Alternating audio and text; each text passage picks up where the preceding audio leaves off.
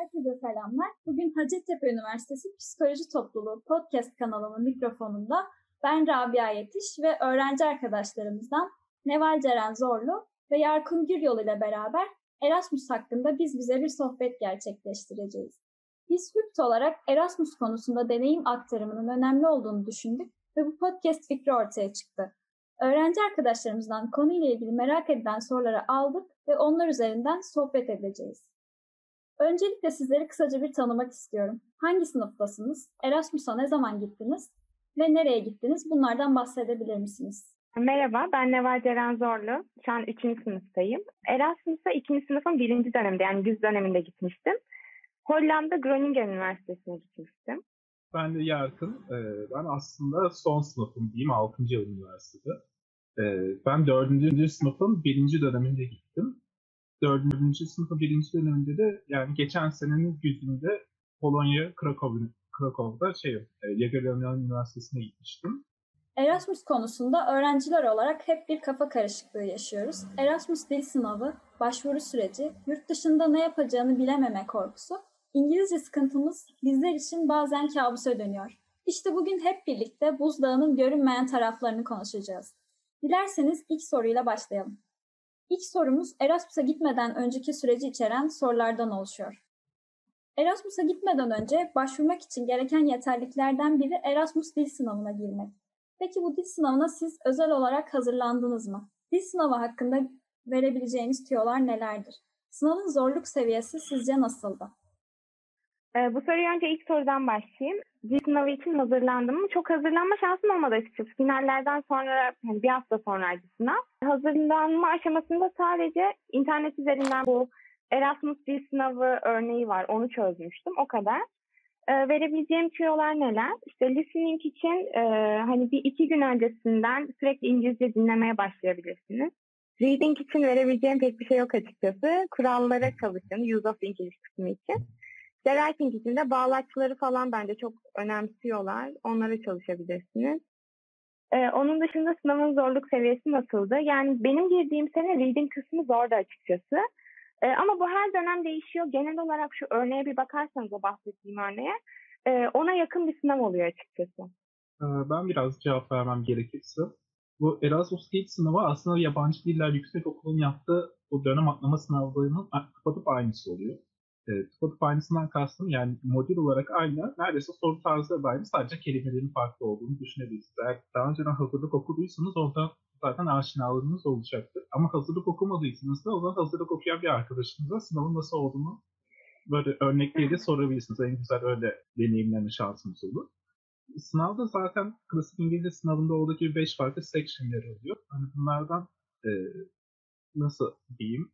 Aslında sınavın çok zorlayıcı bir ölçücülüğü yok.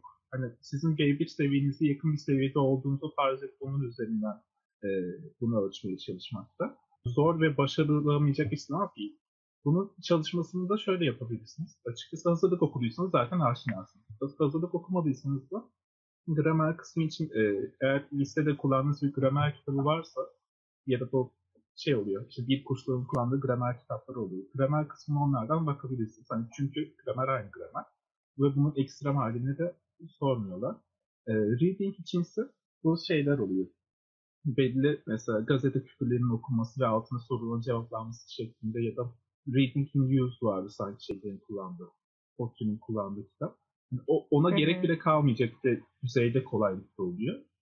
Bir de speaking vardı. Onu e, ne var söylememişti şey, speaking kısmında da yaklaşık 10 dakikalık kısım oluyor. İlk başta böyle ısınma konuşması 2 dakika. Sonra evet, da bu yıl da speaking veriliyor. var hatta online olmasına rağmen.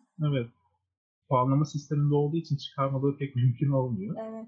Size basit bir topik verirler. Bu mesela şeyde hiç e, örnek görmek isterseniz IELTS'in YouTube'da şeyleri vardır. E, speaking kısmı için mülakat kısımları vardır 10-15 dakika. O tabii ki ekstrem versiyonu ama bunun ilk iki sorusuna kadar olan kısmını düşünebilirsiniz. Mesela bana şey sormuştu, hem size de örnek olsun. Hava kirliliğini azaltmak için devletin izleyebileceği yollar nelerdir ya da sizin izleyebileceğiniz yollar nelerdir gibi bir soruyu. Yani tam hangi kim için sorduğunu hatırlamıyordum. Sizin için e, düşünmeniz için 1-2 dakika vererek 2-3 dakikada konuşmanızı istiyor. Bu tarz çeşitli konuları mesela şey yapabilirsiniz. Ee, En azından Söylediğim- genel terimlere bakılabilir mesela. Hani hava genel terimlere ilgili. bakılabilir. Gramer kitaplarında aynı zamanda metinler olur. O metinler hakkında da sorular sorulur. Tam da öyle sorular aslında. Çok genel geçer. Herkesin cevaplayabileceği nitelikte. Sınavın zorluk seviyesini dedim. Özel olarak hazırlandım mı? Aslında ben hazırlandım. Sonra sınava tekrar gelecekken başvuru tarihini unuttum. O yüzden buna lütfen dikkat edin. Şeyde e, başıma geldiği için hem size de vermiş olayım. Sınav tarih, başvuru tarihini geciktirmeyin. Geri dönüşü olmuyor. Peki o zaman diğer soruya geçeyim. Seçilme kriterleri nelerdir? Ortalama ve dil puanının kaç olması gerekir? Seçilme kriterleri. Bu aslında her dönem değişiyor arkadaşlar. Yani mesela bizim dönemimizde 7 kişi alınmıştı ama öncesinde hani bir anda bir kişiye de düşürülebiliyor. Bu çok değişiyor açıkçası. Ee, nasıl oluyor derseniz ortalamanızın %50'si, dil puanınızın %50'si alınıyor.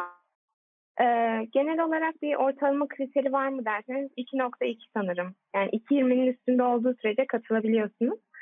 Ama olabildiğince ortalamanızı ve dil puanınızı yüksek tutmanızı öneririm. Çünkü hani başvuran herkes arasında sıralanıyorsunuz ve kontenjan çok değişkenlik gösteriyor. Mesela hani bir bölümdeki e, kontenjan diyelim ki dolmadı onu size alabiliyorlar ya da bir anda kontenjan tak diye düşebiliyor. Hani hiç belli olmuyor. O yüzden hani olabildiğince çalışın ve bunları yüksek tutmaya çalışın derim bu şekilde. Ee, Güz döneminde genelde daha fazla kişi alınır. En az 4 kişi olmak üzere mesela bizim gittiğimiz dönemde 7 kişi alınmıştı. Baharda ise daha az alınıyor. Bir kişi genelde alınırken bazen 2 ya da 3 kişi alınıyor. Ee, bunlarda da en yüksek puan sıralamasına sahip olan kişi ilk tercihine gidebiliyor. Yani bu dönem sizin sınava gireceğiniz dönemdeki kişilerin ortalaması en önemli kriter oluyor. Çünkü hani istatistikten bilirsiniz grup ortalaması hangi kısma giderse ona göre hesaplama yapılacaktır.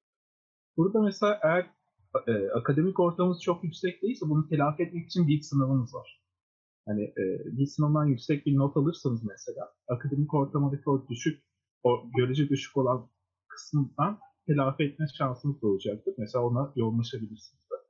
Bence zaten bizim okulda e, dil puanı daha fazla etkili oluyordur diye düşünüyorum. Genel olarak ortalamalar yüksek olduğu için e, dil puanı bayağı belirleyici bir faktör oluyor bence sınavda özellikle. Çünkü herkesin mesela akademik ortalaması benzer ama dil puanında alacağı e, range genişliği fazla olduğu için hani 100 alan da var, 80, 70 alan da var ve bunun Evet. yarısı eksinince gelecek olan varyansın değişikliği daha fazla. Bir sonraki konumuz ders eşdeğerlikleri ve dönem kaybı ile ilgili. Bence bu herkesin kafasındaki en önemli sorulardan biri. E, Erasmus'ta aldığınız dersleri burada saydırabildiniz mi? Denildiği gibi sene uzaması ve dönem kaybı yaşanıyor mu? Erasmus'ta aldığınız notlar ortalamanızı kötü bir şekilde etkiledi mi? Evet, saydırabildiniz mi? Hepsini saydırdım arkadaşlar. yani hepsi sayıldı öyle bir durum oldu. Ee, sene uzaması ve dönem kaybı yaşıyor muyum? Yani şöyle bu e, bunu bu sene göreceğim açıkçası. Zorunlu derslerim çakışırsa dönemim kesin uzuyor. E, dönemim uzarsa da dördün ikisinde bir etik dersi var onu alamayabilirim. Yani böyle çok karmaşık bir durum oluyor. E, bakalım şu an için uzamamasına yönelik bir umudum var. İyi bir umut ona tutunuyorum. E, Erasmus'ta aldığınız notlar ortalamanızı kötü etkiledi. Yani kesinlikle etkiledi. E, Etkiliyor ama bence değer bir şey. Yani bu ortalama düşüşüne de değer bir şey. Çünkü bana çok şey kattığını düşünüyorum hani. Ee, bu şekilde. Bence de öyle. Getirisi ve götürüsü olan bir süreç ve getirisi daha fazla diyorsun bu süreçte. Kesinlikle. Yani ben öyle düşünüyorum en azından ki konuştuğum kişiler de genelde bu şekilde düşünüyor. Hani bir Evet. keşkem yok bu konuda. İyi ki gitmişim diyorum. Bu ders saydırma konusunda önceden zaten siz belli bir dersleri seçip hocaya yolluyorsunuz. O da zaten size olup olmayacağını söylüyordu. Bu ders saydırabilmede biraz sizin ne kadar esnek olabildiğinize bağlı. Hocanın çünkü kabul edebileceği dersleri nasıl ona nasıl diyeyim pazarlayabileceğinize bağlı açıkçası. Çünkü ben mesela aldığım birkaç dersin e, eşdeğerliği tam yoktu ama içerisindeki şeyden yedirebilmiştim, kelimelerden yedirebilmiştim. Örnek vermem gerekirse mesela afet ve travma psikolojisini e, travmanın nörobiyolojik temellerinin klinik ortamda incelenmesi gibi bir ders almıştım. Onu mesela içinde travma geçtiği için travma dersine eşleyebilirim. Şimdi böyle küçük kelime oyunlarıyla ya da daha güzel seçmeli derslerle de eşleyebilirsiniz. Mesela Peki şey bu de- eşdeğerlik e, gitmeden önce yapılıyor değil mi Erasmus'a? bildiğim kadarıyla. Tabii. Hocayla evet. Önce gitmeden önce belge dolduruyorsunuz ama sorun şu. Siz gitmeden bir dönem öncesinin derslerine bakıp belge dolduruyorsunuz. Siz oraya gittiğinizde dersler tamamen değişiyor. Mesela ben benim 8 tane ders yapmıştım. Hiçbirisi açılmadı. O yüzden oraya gittiğinizde tekrar açılan Aa öyle şey derslere oldu mu göre sende? ben de hiçbir dersim açılmadı mesela. Birinci dönem başladı. Biraz farklı bir sistem vardı. Dersler paket paket açılıyordu. Bölüm bölüm açılıyordu. Biz gittiğimiz bir anda hepsi sisteme yüklenmiyordu. Her gün bakıyordum psikolojiye dair ders açılmış mı açılmıyordu. bir de. İngilizce de olması gerekiyor. Ben hatta o yüzden biraz başka bölümlerin derslerinden alıp sayılarıydım. Mesela örnek vermem gerekirse beden dili dersi almıştım. Onu psikolojide güncel konuda saydırmıştım. Hmm. Böyle küçük e, oylamalar yapabilirsiniz. Yani Dönem sen kaybı bu oluyor. arada dördüncü sınıftasın değil mi?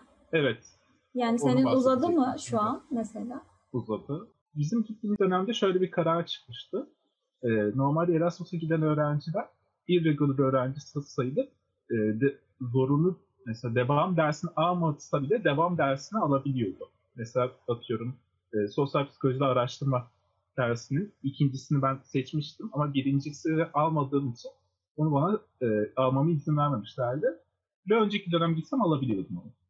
Bu karar çıktığı için mesela etik dersinde de şey var. e, Bütün önceki öncülerin alıp etik dersine alınması gerekiyor. Mesela ben dördün birinde gittim. Araştırma becerilerini doğal olarak alamadım. Araştırma becerilerini alamadığım için de etik dersini de alamadım. O yüzden bir sene otomatik olarak uzamış oldu. Ama uzaması kötü bir şey mi? Bence değil. Çünkü o sırada Yandal'a başlamıştım mesela. Yandal'ı bitirmek için tam güzel bir boşluğum oluşmuştu. Ortamımı da açıkçası kötü etkiledi mi? Etkiledi ama çok aşırı derecede kötü etkilememişti. Çünkü o genel ortamı vurunca sadece nokta 0.2 ya da 3 kadarlık bir kayıp olmuştu. Onu da yükseltmeye aldım başka derslerde telafi edebildim. Yani çok da sorun olacak bir konu değildi. Anladım. Bir diğer konumuz Erasmus sürecini içeren sorularla ilgili. Özellikle şu anki kur farkı göz önüne alındığında Erasmus maliyeti çok önemli hale geliyor. Şöyle bir soru gelmiş. Ee, Onun üzerinden puanlarsanız süreç ne kadar maliyetli? Okulun verdiği hibe yeterli oluyor mu? Ee, süreç ne kadar maliyetli? Yani bu biraz gittiğin ülkeye göre değişir bence. Şöyle söyleyeyim ben Hollanda'daydım ve hani gezdiğim kadarıyla Hollanda diğer e, Avrupa ülkelerine göre daha yüksek bir şey yani harcama oranı daha yüksek oluyor öyle söyleyeyim. Bu bence kuzey ülkelerinde falan daha da artıyor hatta. E, o yüzden 10 üzerinden puanım arkadaşlar 7 veya 8 olur. Hadi 7,5 yapayım. Okulun verdiği hibe yeterli olmadı bana. Çünkü şöyle bir durum var. Benim hani gittiğim şehirde zaten e, kiralar 450-550 arasında değişiyordu ve hani bana aylık gelen hibe 500 euroydu. E, öyle olunca benim hibem direkt neredeyse kalacak yerime gidiyordu. O yüzden bana pek yeterli olmadı. Ama burada şöyle bir örnek verebilirim. Bir arkadaşım 4 kişilik bir oda bulmuştu. E, ne kadardı? 300 civarındaydı. 300 civarında bir şey ödemişti. Öyle olunca ona fazlasıyla yeterli oldu. Hani burada biraz sizin hem şansınıza hem de tercihlerinize bağlı bir şey oluyor. Ee, bu şekilde yani çok da yeterli olmadı. Neval'in dediği gibi ülkelere göre e, sizin yaşama için vereceğiniz, ödeyeceğiniz para değişiklik gösteriyor. Mesela Polonya, Polonya nis- nispeten diğer Avrupa ülkelerine göre daha e, uygun kalmakta. Başka bir para birimi kullanıyor. Zloty kullanıyor. Şu an güncel kullanılan euro 4,5 Zloty'ye eşit. Bana 300 euro hibe veriliyordu. Ama Zloty'ye çevirince bu açıkçası daha fazla bir paraya tekabül ediyordu. Benim mesela yurtta kalmıştım okulun verdiği yurtta ve 100 euroydu aylık ödenmesi gereken. Ve mesela Krakow iyiymiş için işte onları diyeceğim şimdi. Ne, e, çünkü ekonomik anlamda Polonya'nın öyle bir güzelliği var. Farklı para birimi kullanıp yaşam pahalılığı daha düşük olduğu için size elinizdeki miktar para daha az olmasına rağmen onu tolere edebilecek bir hale gelebiliyorsunuz. Çünkü yaşam pahalılığı cidden az. Kalacak yeri 100 lira vermiştim mesela. Dışarıda mesela vakit geçirmek için yapacağınız bir etkinliğe neredeyse İstanbul'da para verdiğiniz kadar para veriyorsunuz. Çünkü mesela bir yemeği 20 zloty'ye çok güzel yemek yiyebiliyorsunuz. İşte çeşitli şeyleri 6, 7, 8 ya da 10 zloty'ye içebiliyorsunuz. Ya da en basit uçak biletlerine 20 ya da 30 zloty'ye bulabiliyorsunuz gibi. Ee, böyle olunca hibe sadece Krakow yani Polonya içerisinde yaşayacak birisi için tabii ki yeter ama gezdiğiniz takdirde zaten yapacağınız harcamalar katlanmaya başlıyor. Yani en büyük oradaki şey kıstası ne oluşturuyor? Nasıl har- harcama giderini yaptığınız geziler oluşturuyor. e, ne kadar puanlamam gerekirse açıkçası benim daha önceden şeyim yoktu. Birikimim yoktu.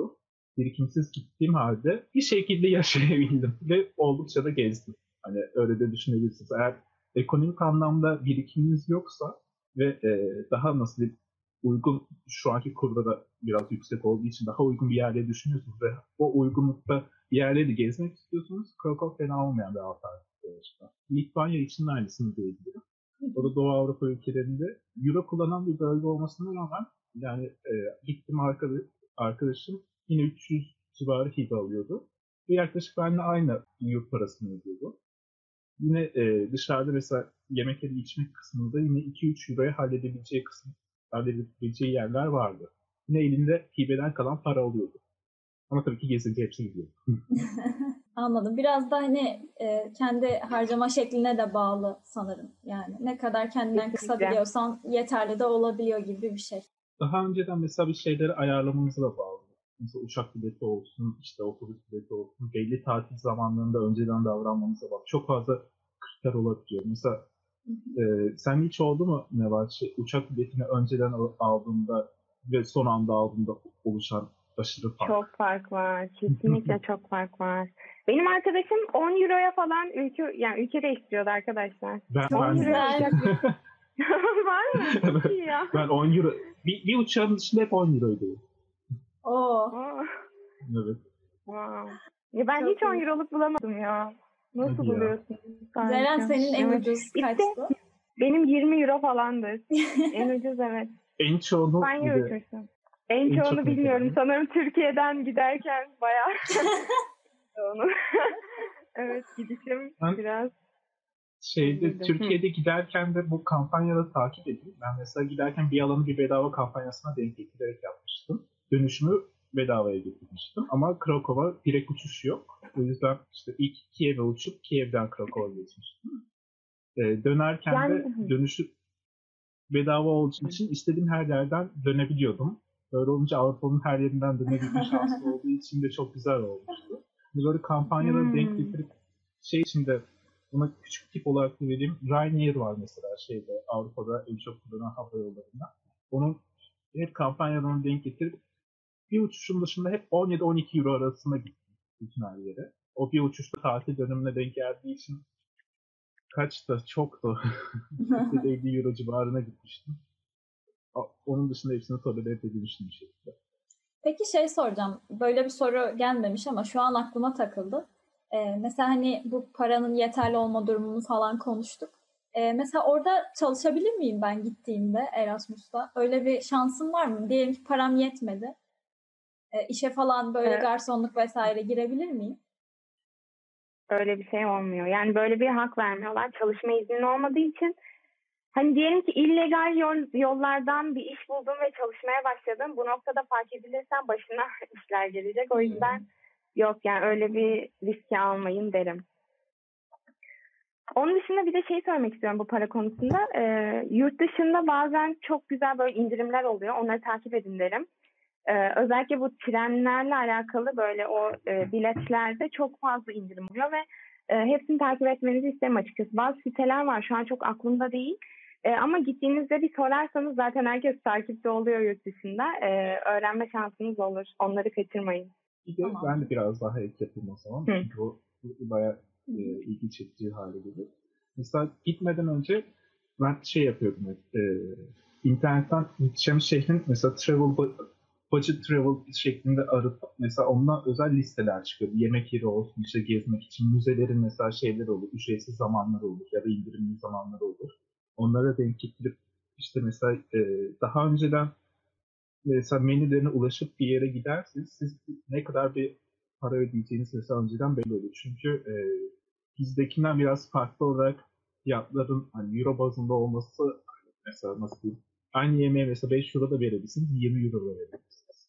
Ama önceden bilirsiniz mesela 20 euro olan yere gitmezsiniz ya da 20 euro olan yere zevkine gidebilirsiniz. Hani bu bilgileri önceden erişiminiz olursa e, şey yapabilirsiniz. Nasıl çok güzel kullanabilirsiniz. Bir örnek vereyim mesela. Krakow'da Michelin rehberinde olan bir e, restorana gitmiştik Sinem'le birlikte. Toplamda 20 eurodan az vermiştim mesela ve orada full course full course almıştık. Yani e, işte şaraba başlangıcı, işte ana yemeği ve tatlısı şeklinde. Ama başka bir ülkede mesela 20 euroya siz tek bir ana yemek alsanız iyi hale gelebilirsiniz. Mesela şeyde Oslo'da e, 20 euroya tekabül olacak şekilde sadece bir fish and chips alabiliyorsunuz. Ama diğerinde Michelin Evet. rehberindeki bir restoranda 4 course alabiliyorsunuz. Hani bu tarz yaşam pahalılığından kastettiğimiz buydu aslında. Yani aynı miktarda parayı neler alabileceğiz. Ama Oslo'ya gidince biraz göze alıyorsun ya Yarkın. Evet evet. yani göze alınıyor o ülke. Aynen. Her şeye verebilirsin orada. evet. Ee, diğer konuya geçersek diğer konumuz yurt dışındaki yaşamla ilgili gelen sorular var. Ee, kaldığınız yeri nasıl ayarladınız? Kaldığınız yerde oda arkadaşınız var mıydı? Ee, yabancı arkadaşlarınız mı vardı yoksa yine yurdum insanı mı dediniz yurt dışında da? Bu son soru biraz gerçekten üzücü. Hani keşke ülke, ülkemizde, dünyada böyle şeyler yaşanmasa. Hiç ırkçılık, dışlanma yaşadınız mı? Ee, önce ilk sorudan başlayayım o zaman. Kaldığınız yeri nasıl ayarladınız? Ben bu konuda e, biraz sorun yaşamıştım açıkçası. Hani yurtta mı kalsam yoksa kendi odama mı çıksam böyle çok arada kaldım.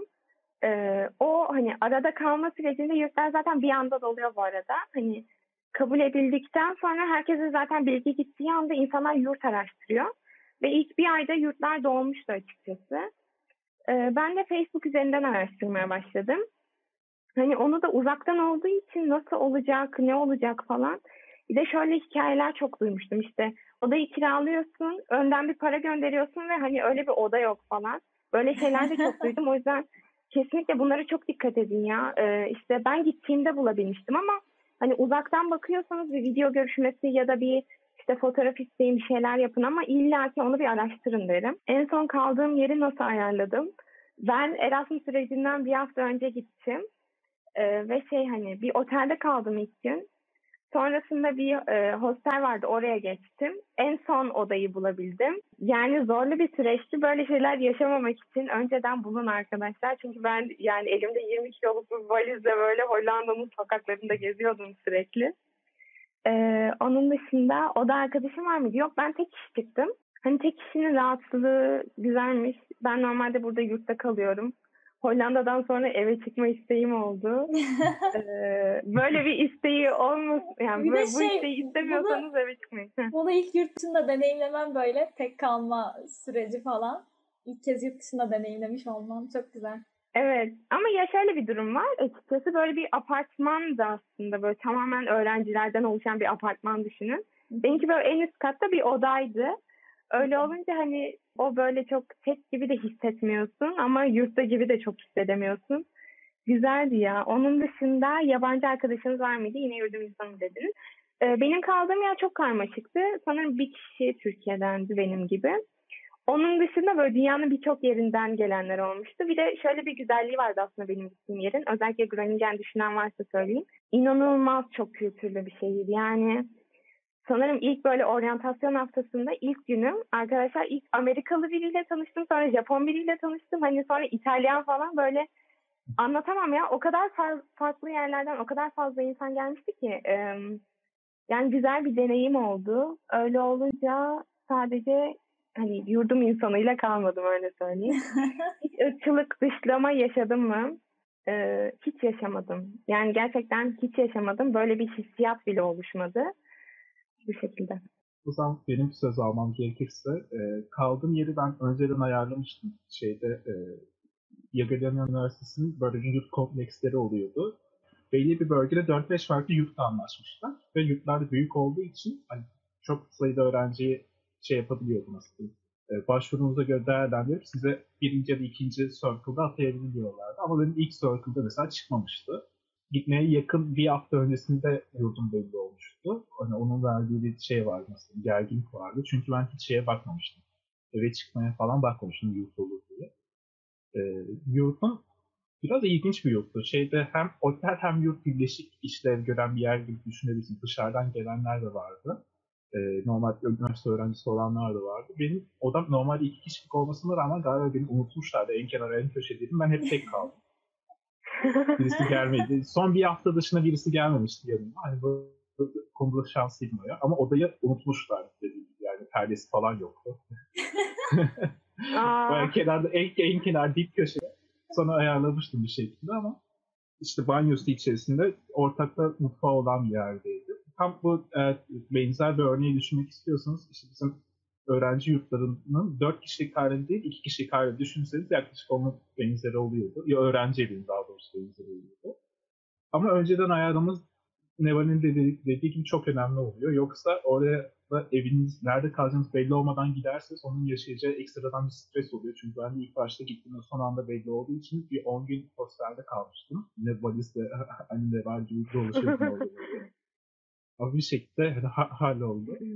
Yabancı arkadaşım var mıydı? Vardı ama ben bu konuda biraz şanssızdım. Çünkü e, oryantasyon haftasının bütün etkinlikleri e, parayla satın almamız gerekiyordu. İşin kötüsü PayPal'la satın almamız gerekiyordu. Bildiğiniz üzere PayPal'da Türkiye'de yok. Öyle olunca yani hiçbir etkinliğe gidemiyorsunuz. Böyle bir saçma durum olmuştu. Aa gerçekten Ee, o çok ilginçmiş. Çok yani şey de yok. Çok çözümü de yok. Arada bir iki etkinliğin mesela e, satışını yapan daha önceden Telegram ya da WhatsApp grubu kuruluyordu bu şeylerin. Erasmus'a gidecek olan kişilerin onlara katılın kesinlikle. Oradan mesela bir iki kişi mesela etkinliğine gitmek istemiyordu, satmak istiyordu. Öyle bir iki tanesine gidebilmişti. Öyle olunca çok insanlar ilk baştaki o kaynaşma ortamına giremedi. Yani o mesela o Hmm. erken gitmiştim oryantasyon haftasından önce tamamen gezmeye. Bir şekli tanımaya ayırmıştım.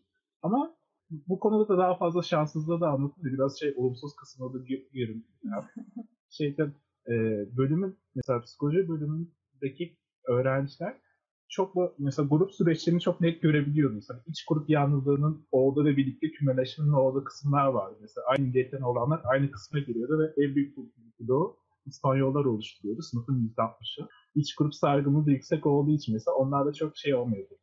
Tanışıklığımız olmuyordu. Diğer bir şekilde bölümden nasıl diyeyim arkadaş edinememiştim. Sonra şeyde böyle çok random bir şekilde aldım seçmeli dersler, sanat dersi almıştım. Sanat dersinden aldım seçmeliden random bir şekilde mesela bir Yunan arkadaşım olmuştu. Bütün dönemi onunla geçirmiştim.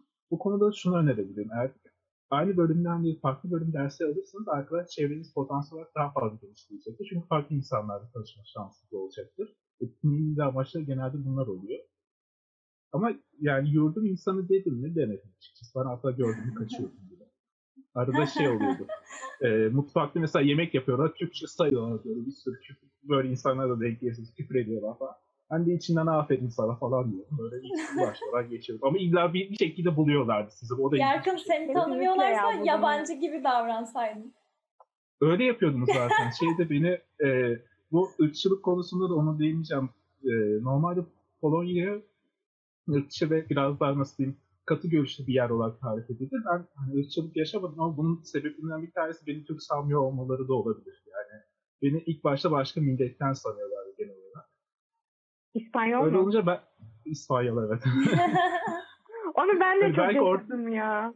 Oradan kurtardım mı bilmiyorum. Ya da denk mi geldi? Bunun cidden nedenini bilmiyorum. Hani belki yanlış bir e, şeyden, tahminden yola çıkarak da kurtulmuş olabilir. Denk de gelmemiş olabilir. Bu yurdum insanı konusunda ben şeyi de değinmek istiyorum. Hani zaten 6 aylık bir süreciniz var ve inanın e, böyle bir şans bir daha elde edememe şansınız var. Yani çünkü aynı okuldasınız ve birçok milletten insan var. Bu çok güzel bir şans. Yani yurdum insanını çok derseniz bence bu noktada biraz o şansı kaybediyorsunuz arkadaşlar. Hani olabildiğince farklı insanlarla konuşun, tanışın. Yani zaten bir süreden sonra insanlarla hani tanışmanıza da gerek kalmıyor çünkü çevre genişliyor sürekli. Ama hani çok yurdum insanı diyenleri de gördüm açıkçası. Ee, böyle çok kendi iç gruplarında kaldılar ve sürekli hani yani o onu deneyimleyemediler. Ben en azından öyle düşünüyorum. Hani tabii onlar da kendi içinde mutludur ama benim size önerim böyle olabildiğince açık görüşlü olun ve olabildiğince gruba girin, etkinliklere katılın. Ya elinizden gelen her şeyi yapın ya. Çok güzel bir süreç oluyor o noktada.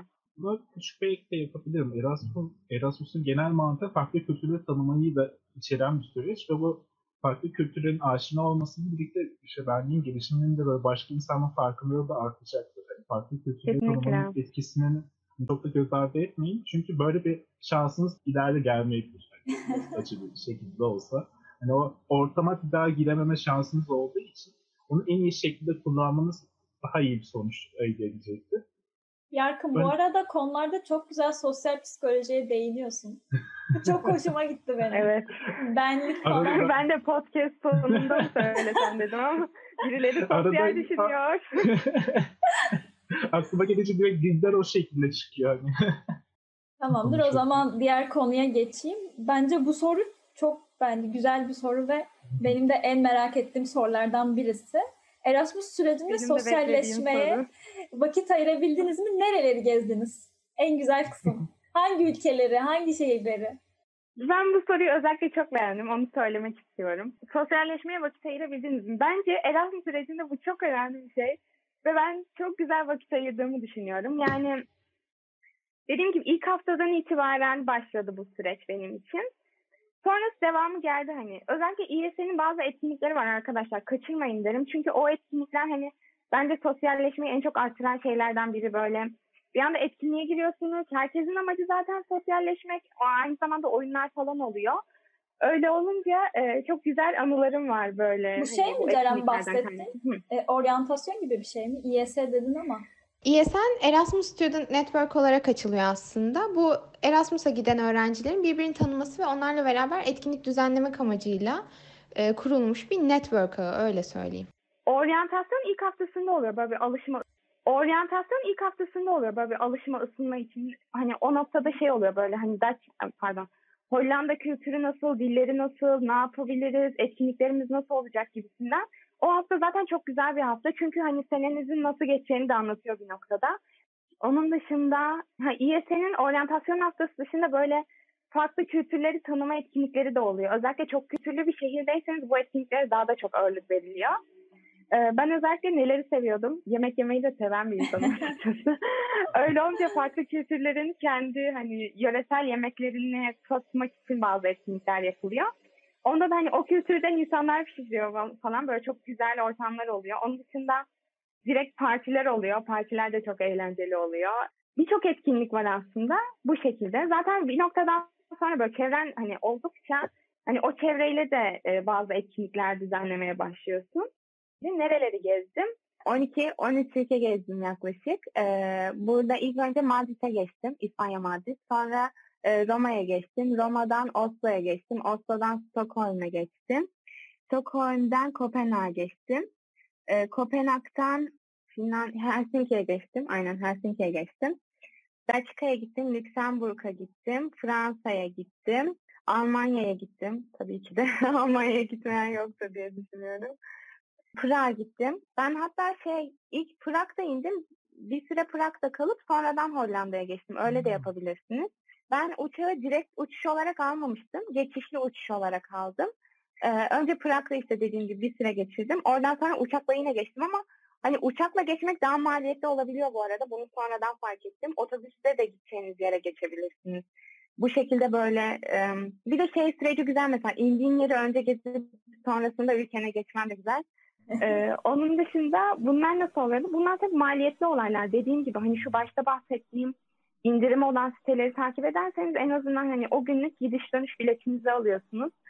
Ee, özellikle şu kur farkıyla düşünürsek bunlar çok önemli küçük ayrıntılar. Ben aslında şöyle düşündüm. Dönem bittiği gibi bir e, gezi planlamıştım. Bunu öncesinden planladım ve biletleri de öncesinden aldım. İşte İspanya'dan başladım. Kuzey ülkelerine kadar bir tur düzenledim açıkçası. O şekilde gezdim. Sonrasında hani benim babam gelmişti. Onunla biraz gezdik falan. Bu şekilde bitirdim dönemi. Burada da ekleyeceğim şey e, yine kalacak yere çok dikkat edin. Ben Couchsurfing'de falan kalmıştım. Yani inanılmaz bir şey. Özellikle Finlandiya'da kaldım. E, benimle birlikte iki kızlar gezi yapıyormuş.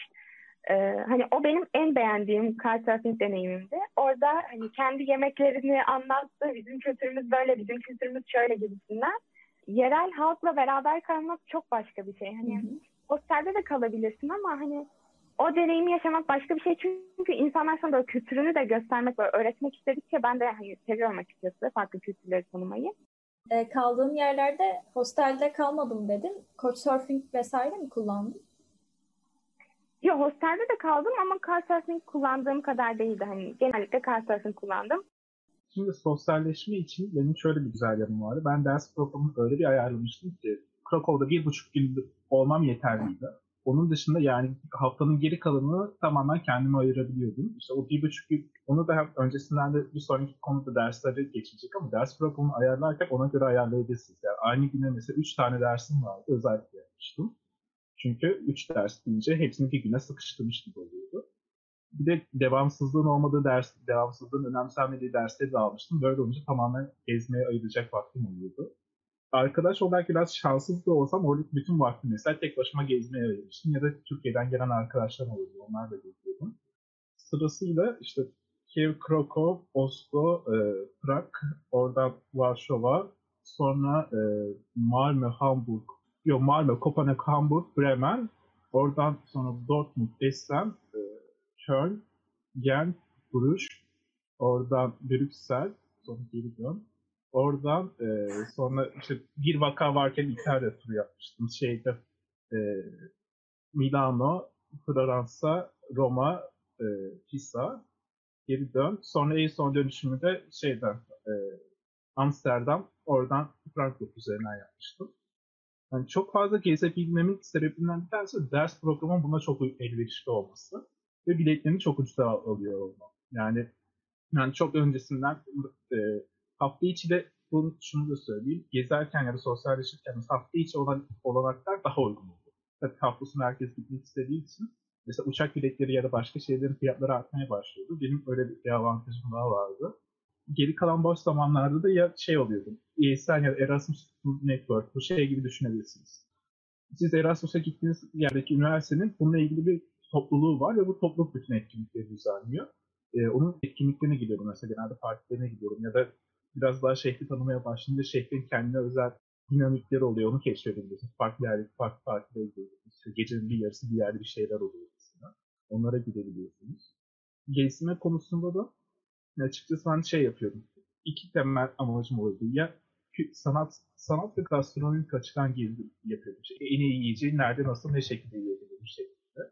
Ya da e, belli bir işte daha önce aldığım sanat üzerine mesela dersler sayesinde sanata olan ilgim çok fazlaydı ve buna yönelik sadece spesifik eserleri gezmek için spesifik şehirlere, ülkelere gidiyordum. Aynı şekilde yemekler için de bu geçerliydi. Yani o açıdan biraz benim daha farklı hani bir gezme anlayışım vardı. Onun dışında diyebileceğim kadardı. Tamamdır. Zaten bayağı bir şehir saydım Yarkın dinlerken. Ben diyorum daha devam edecek mi, edecek mi? Uzadıkça uzuyor. Keşke etseydi ama o kadar da yetinebildim. Peki şöyle bir soru gelmiş. Dersler, hocalar nasıldı? Sınavları geçmede zorlandınız mı? Ee, hocalar bayağı iyiydi. Yani şöyle bir şey var. Gittiğim üniversite zaten dünya çapında hani psikoloji anlamında ilk 60'ta bir üniversiteydi. Hocalar bakımından söyleyebileceğim en güzel şey hepsi öğretmeye çok açıktı ya. Ben özellikle hocaların bazılarını bayağı hani böyle hocam şu nasıldı şu şöyle miydi falan böyle bayağı soru yönelttiğim oluyordu. Büyük ihtimalle bir noktada benden bıkmış da olabilirler ama ben kendime çok şey kattığımı düşünüyorum dersler açısından da. Özellikle bazı derslerin çok güzel bir yapısı var. Mesela her ders bir alanda hani uzmanlaşmış hocalar geliyordu. Öyle olunca böyle birçok alanı bir derste toplamışlar falan. Böyle güzellikleri oluyordu. Hocalar bayağı aktif ve güzel ders anlatıyorlardı. Şimdi bir de şey var. Bu Groningen Üniversitesi'nin güzel taraflarından biri de mesela derslerin katılma zorunluluğu zaten yok. Ve şey katılmadığın derslerin hepsi bu şu an mesela bizim Huzem'de oluyor ya hepsi video olarak kaydediliyor ve istediğin zaman izleyebiliyorsun. Bu böyle hani dönem boyunca böyle ve derslerin hepsi kalıyor. Ee, öyle olunca çok takip sorunu da olmuyordu gittiğim üniversitede. Sınavları geçmede zorlandım mı? Yani zorlandığım dersler oldu açıkçası. Özellikle bazı derslerin bayağı hani acı kuşu sınav falan yapmıştı ve hocalar ayrıntı sormayı seviyordu.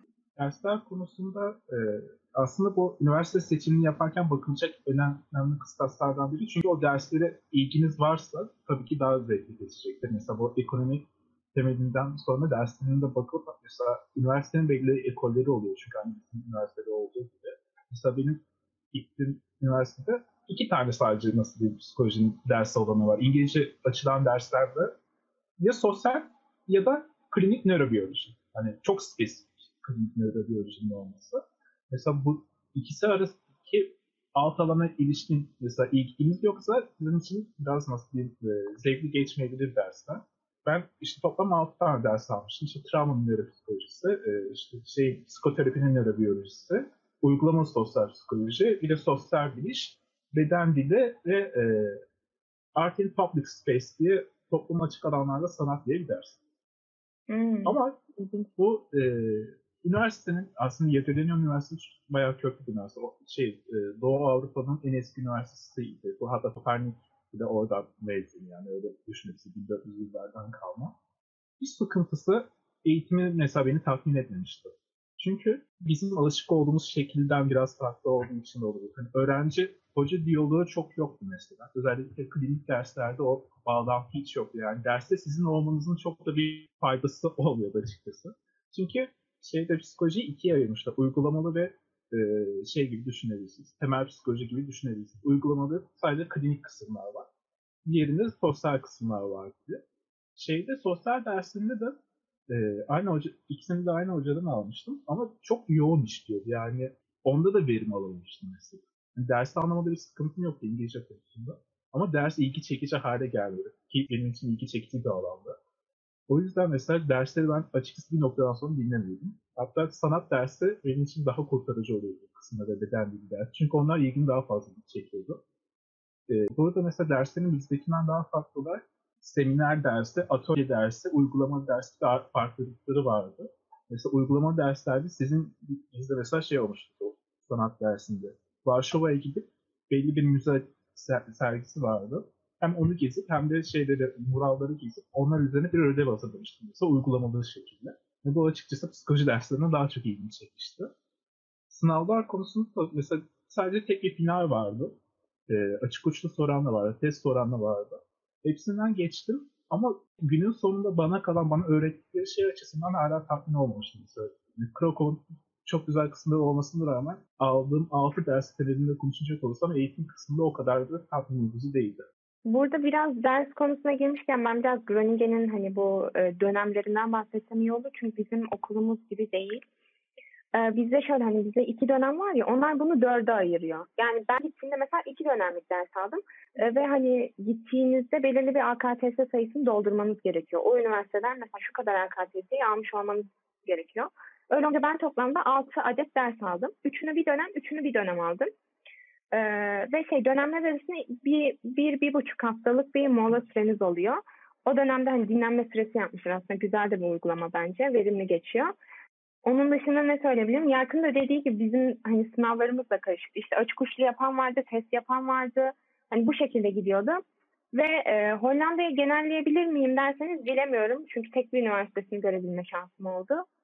E, ama üniversitenin gidişatı genellikle makaleler üzerinden. Yani bu üniversiteye gitmeyi tercih edecekseniz benim size önerim gitmeden önce kesinlikle bir makale nasıl okunmalı, ne şekilde okumalıyım gibisinden bir çalışma yapın Öncesinde de bence makale okumaya başlayın. Çünkü bunu yapmazsanız gerçekten zorlayan bir üniversitedir. Çünkü şey mesela bir gidiyorsun işte mesela 3 dersin var diyelim o dönem. 3 ee, makale koyuyor. Üstüne mesela hani her ders yaklaşık 100 sayfalık bir okuma veriyor hocalar. Öyle olunca 3 ders olunca bir de bazı dersleri haftada 2 kere falan alıyorsun ve benim bir buçuk günde değildi arkadaşlar. Ben haftanın her günü falan gidiyordum. Yarkın o konuda çok güzel ayarlamışsın bu arada. Bir de şey hani gittiğimde de derse ben canlı olarak gitmek isterim. Hani uzaktan eğitim şu anda da böyle çok severek yani tercih ettiğim bir yöntem değil öyle söyleyeyim. O yüzden ben her derse katılmak istedim. Ee, biraz yorucu bir üniversite ama e, hani sonucunda bakınca bence çok verimli bir üniversite. Ama dediğim gibi bu verimi almak için sizin de önceden bir emek vermeniz gerekiyor. Ek yapacaksam da Neval'in verdiği bilgileri kıyaslayınca daha yumuşak bir eğitim almak isteyen mesela Jagiellonian Üniversitesi'ne de gidebilir. Hani oradaki bizde mesela doğru düzgün hatta bir düşün hiç makale okumadık mesela. Yani verilen ödevlerde de yani yapılması zor olacak ödevlerde değildi. Hatta bir ya da iki kere ödev yapmışım sanat dersini saymazsam. Uygulamalı dersi, bir de beden dili dersini saymazsam psikoloji derslerinde hani oldukça yumuşak geçiyordu. Finalleri biraz zor olmasına rağmen. Hani bu konuda biraz işte sizin eğitim, nasıl bir eğitim almak istediğiniz, hangi ilgi alanlarınız olduğunuz ve bundan ne kadar emek vermek isteyip istemediğiniz mesela kıstas olarak karşınıza çıkabilir. Yani gitmeden önce üniversiteniz nasıl, nelere önem veriyor bunları kesinlikle araştırın. Ee, ben açıkçası fazlasıyla araştırma yapmıştım. Yakın seni bilmiyorum yapmış mıydın? Evet. Evet. Yani ben kesinlikle dersler hani... açılmamıştı. yani o yüzden biraz boşa gitmişti ama. Evet doğru. Ya onlara da dikkat etmek lazım ama biraz sanırım o noktada şans da işin içine giriyor Yarkın ya değil mi? Yani bizde Evet, açılacağı şeyde- kesindi ama Yarkın gitmeden önce bahsediyordu. Hani açılmayabilir ama ben bunları almayı gerçekten istiyorum gibisinden. Daha önceden baktığım derslerde tam ilgi alanına yönelik olanlar çok fazla var. İşte yakın ilişkilerin psikolojisi, adli psikoloji mesela işte çift bilgilik üzerine dersler vardı. Ama oraya gittiğimizde hiçbirinin açılmayacağını işte söylemişlerdi. Bunlar da biraz dediğim gibi şey sistemi farklı modüller açıla açıla ilerliyordu. Erasmus'a giden kişiler açılan ayrıca özel dersler de olabilir ya da direkt üniversitenin kendisinin e, verdiği dersler de olabiliyor. Buradaki tek fark dil farklı da oluyor. Erasmus için dil ve İngilizce olan derslerde veri- verilen oluyor, vermeyen de oluyor. Mesela vermeyen olarak İspanya'daki üniversite İspanyolca derslerini veriyordu. Eğer düşünen varsa İspanyolca olmadan oraya gitmek çok mümkün değil. Ama bizde mesela İngilizce açılan derslerde e, toplamda 5 ya da 6 ders vardı. Ve doluyordu. Yani böyle olunca hani ben o yüzden de farklı bölümlerden dersler almıştım. Çünkü zaten 5 ders var ama giden Erasmus'a giden yüzden fazla öğrenci var. Böyle küçük şey sıkıntılar oluyordu. E, İngilizce ders bulamamız sıkıntılı oluyordu. Hem önceden bakmamız, önceden bakıp bir de gününde tam saatine aynı bizim şu an ders seçimini yapar gibi sabahın köründe bir de saatleri de farklıydı. Bazı saat 7'de açılıyordu, saat 12'de, 15'te, 18'de hep günün farklı saatlerinde açılabiliyordu mesela. Başında durmanız gerekiyordu yoksa ders alamıyorsunuz. Peki benim kafama şey takıldı şu an. Burada bir İngilizce sınavına girip gidiyoruz ama buradaki test edilen bizim hani normal günlük hayattaki İngilizcemiz. Ee, orada gittiğimizde derslerde gördüğümüz şey terminolojik İngilizce. Biraz daha psikoloji bilimine dair. Mesela bu konuda dediğiniz gibi sanırım hazırlanmak gerekiyor. Hani çünkü girdiğimiz sınav tam olarak bu terminolojik İngilizceyi ölçen bir sınav olmayacaktır. Günlük İngilizce sınavına dair. E bununla nasıl başa çıktınız mesela? Ben şu an bunu merak ettim. Yani ben e, mesela birinci sınıftayken şey yapıyordum. Bir sınıf zamanında Parmen'in psikoloji kitabı kullanıldı. Kalın bayağı kalın bir şey. Psikolojiye girişte. Ben kitabı almadım çünkü kütüphanede İngilizcesi var. Yani bütün işte iki dönem boyunca onun İngilizcesinden çalışmıştım. Daha sonra da aldığımız derslerde mesela bunu daha önceden yapmamız gereken şeyler niteliğinde hem söyleyeyim. Aldığımız derslerde mesela makale yazımında Türkçe değil İngilizce makalelere yönelik oradaki terminolojiyi elde edebilirsiniz ya da kitaplarınızı İngilizce kullanabilirsiniz. Bu sayede mesela çok basit olarak mesela atıyorum belli bir kavramın Türkçesini biliyoruz.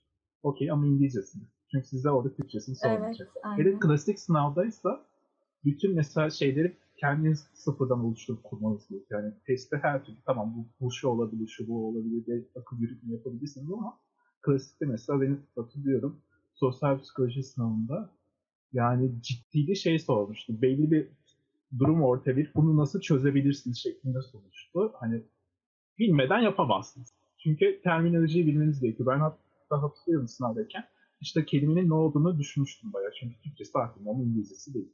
Ama bir şekilde kurtarmıştım daha sonra onu. En kötüsü YouTube'dan videolar izliyorsunuz konular hakkında, ders anlatımı hakkında. Hani şeyde olanlar oluyor. Ya mesela e, İngilizce eğitim veren üniversiteler için olan eğitim videolarını da izleyebilirsiniz. Yale Hani Üniversitesi okumak. vardı. Mesela o da olur. Kitap okumak zor geliyorsa bu şekilde yöntemlerle başvurabilirsiniz. Ama bunu çözmezseniz geçemezsiniz. Yani çünkü çok temel bir Evet. Yani bu noktada benim söyleyeceğim şey buna önceden çalışılması gerekiyor bence. Çünkü bizim biliyorsunuz üniversitemizde yüzde yüz Türkçe bir eğitim alıyoruz. Ve şey e, hani çok fazla kavram da öğreniyoruz ve bunların İngilizcesi de önemli. E, o yüzden bence hani öncesinde başlayın bunlara çalışmaya. Yani işte şu şöyledir, bu böyledir. Hani çünkü akılda kalması da önemli bir şey. O sırada ilk kez o kelimeyi duyacaksam mesela sınıftaki geri kalan insanlar ilk kez duymayacak anladınız mı? Hani bu insanlar zaten İngilizce eğitimle gelmiş olduğu için onların öğrenmesi çok, daha rahat olacaktır ama senin hem kelime hem konu öğrenmen gerekiyor. O yüzden bu kelime öğrenimini öncesinde yaparsan çok daha rahat olacaktır konuları öğrenmende. küçük bir ek olarak da şey yapabilirsiniz. Aynı kitabın hem Türkçesi hem İngilizcesini bulundurup böyle bakabilirsiniz. Ben mesela onu da yapıyorum. Sosyal psikoloji kitabının İngilizce pdf'ine ulaşmıştım mesela. Türkçesi de vardı. Mesela terimleri hoca sö- söylediği zaman direkt hani sözlük niteliğinde oradan da bakabiliyordum. Aklınızda olsun Sirel Karakaş'ın şey, e, Türkçe İngilizce psikoloji sözlüğü var. Oradan da bakabilirsiniz. Hı. Hani tam kelime karşılığının mesela direkt bir sözlüğü yazınca kelimsel olarak vermiyor. Ama hem o Sirel Karakaş'ın verebiliyor ya da bu tarz kitaplar üzerinden direkt birebir gidebilirsiniz. Çünkü o altındaki kısımlarını da hem daha iyi anlamış olursunuz böylece. Bir de bu dersler konusunda şeye değinebilirim açıkçası. Güzel olmuş Yarkın'la katılmam. Yarkın 3. sınıfta katıldı. O yüzden alması gereken çok fazla zorunlu ders yoktu ve genelde seçmeli aldım sanırım değil mi Yarkın? Ben dördün birinde gittim. Benim şey zorunlum yoktu zaten. Dördün araştırma birinde. becerileri, araştırma becerileri dışında o dönem almam gereken zorunlu yoktu. Ha bunu da diyeyim hatta biraz geride kaldı. Zorunlu dersleri saydırma konusunda biraz zor olabilir. Çünkü seçmeli bir dersin saydırmasında mesela eşlenik olarak içerik ve kelime eşlenmesi yapılmış oluyor. Ama zorunlu bir ders atıyorum araştırma becerileri dersini eşlemek istiyorsunuz. Onun için daha ciddi bir e, süreç geliyor. Mesela şey İspanya'ya giden arkadaşım eşleyebildi. Dördün birinde gitmiştim ben de. Hiç şey yapmadan, nasıl diyeyim, uzatmadan bitirebilmişti okulu. O yüzden böyle şansınız varsa zorunlu dersi eşleyebiliyorsunuz. Ama okul zaten açmıyor. Hani nasıl diyeyim, sizin zorunlu bir dersi bulma şansınız pek olmuyor. O ilk başta dediğim İngilizce ders açma konusunda mesela size zaten 5 ya da 6 ders veriyorlar. Onun da sizin bir zorunlu dersi olma ihtimaliniz çok mümkün değil. Çünkü şey düşünüyorlar. Erasmus'ta gelen kişi zaten mesela birinci ya da ikinci sınıfı geçmiş olan bir kişi olacağı için biz temel dersi ona vermeyelim, seçmeli dersi verelim şeklinde düşünüyorlar. Ondan pek zorunlu dersi eşitlemeye yönelik e, düşüncesi olan kişi varsa biraz zor. Evet. Yani ben ikide gittim açıkçası. Ee, iki tane zorunlu dersime eşleyebilmiştim. Yapabilir Diğerlerini eşleyemedim mesela. Aynen iki tanesini eşledik ama e, mesela bu dönem şimdi hem ikinin tüm zorunlularını aldım. Geriye kalan işte öğrenmedir, gelişmedir, gelişimdir, kliniktir böyle deneysel aldım. E, bu gibi dersleri aldım. Ama bunun yanında mesela patoloji ve bir tane de seçmeli alma şansım var tabii. Bir de seçmeli aldım ama hani hem ikinin dersleri zorunluları oluyor hem üçün zorunluları oluyor. Biraz yoğun bir dönemde. Ama demek istediğim şey şu. Hani ikide gidecekseniz evet iki senelik bir süreciniz daha var. Hani bunları yine zorunluları alabilirsiniz. Belki uzamayabilir ki burada da bir noktada şans var. Çünkü ben dediğim gibi tüm zorunluları şu an al- alabildim. Ama yine de ikinci dönem zorunlularım çakışırsa benim dönemim kesin uzayacak. Böyle bir durum var. Ee, onun dışında hani buna göze alın derim. Ne var sana bir soru sorsam olur mu? Ha tabii Şeyde, tabii. e, ikinci sınıf mesela gitmiş olman şey yapmış mıydı? Sorun oluşturmuş muydu? E, donanım açısından mesela spesifik e, alt alan dersi aldın. Hani de böyle nasıl benim aldığım mesela şey dersi var işte. Travmanın nöro, biyolojik temelleri ve üzerine dersler. Çok klinik var. E, şey fizyoloji var. İkisinin karışımı bir şey koymuşlar. Bu tarz alt alan dersi aldıysan o sorun oldu mu senin için? Mesela ikinci sınıfta gidecek olan bir kişiye önerir misin? ikinci sınıfa gidecek birine e, öneririm as- açıkçası şöyle hani belki üçte hani üçte gitmiş olsam ikinin tüm zorunları alacağım ve o temel de oturmuş olacak. Hani bunun verdiği bir rahatlık olacak. Ama üçte hani gitmiyorsan ve ikide gitmeyi göze alıyorsan bir noktada fazladan emek vermen gerekiyor. Çünkü gerçekten e, mesela ben tutum ve ikna dersi almıştım. Ve bu dersi alabilmek için sosyal psikolojiyi e, gerçekten iyi bir şekilde oturtman gerekiyor. O yüzden bu ders için fazladan bir emek verdiğimi hatırlıyorum. Ee, ama verimli geçtim derseniz dediğim gibi verimliydi. Ama e, işte o emek kısmını göze alır mısınız onu bilmiyorum. Ee, şöyle bir soru gelmiş. Erasmus'a gittiğiniz ülkenin ana dili İngilizce değilse bu konuyla nasıl başa çıktınız? İngilizce sadece yeterli olur mu tek başına? Ya da e, gittiğiniz okulun eğitim dili İngilizce değilse nasıl olabilir? Gittiğim ülkeye yine çok bağlı. Hollanda şu an Avrupa'nın en iyi İngilizce konuşan üçüncü ülkesi diye biliyorum yanlışım yoksa. Ee, herkes İngilizce biliyor ve 7'den 70'e biliyor. Ve hani İngilizce bilmek dediğim de böyle e, kendi aksanları da buna uyumlu olduğu için böyle bayağı akıyor arkadaşlar o İngilizce. Ee, öyle olunca ülkede hiç zorlanmadım. Okul eğitim dili açıkçası Yarkın'ın da arkadaşı var İspanya'ya giden. Benim de bir arkadaşım İspanya'ya gitti. Ee, Benim arkadaşım yaptığı şey şuydu mesela İspanya'ya gitmeden önce bir süre İspanyolca dil eğitimi aldı. Sonrasında gitti. Ee, zorlandın mı diye sorduğumda başta çok zorlanmış. Çünkü hani İngilizce dediğimiz şey yaklaşık 12 yıldır maruz kalıyoruz açıkçası. Sürekli bir İngilizce döngüsü oluyor hani iyi ya da kötü.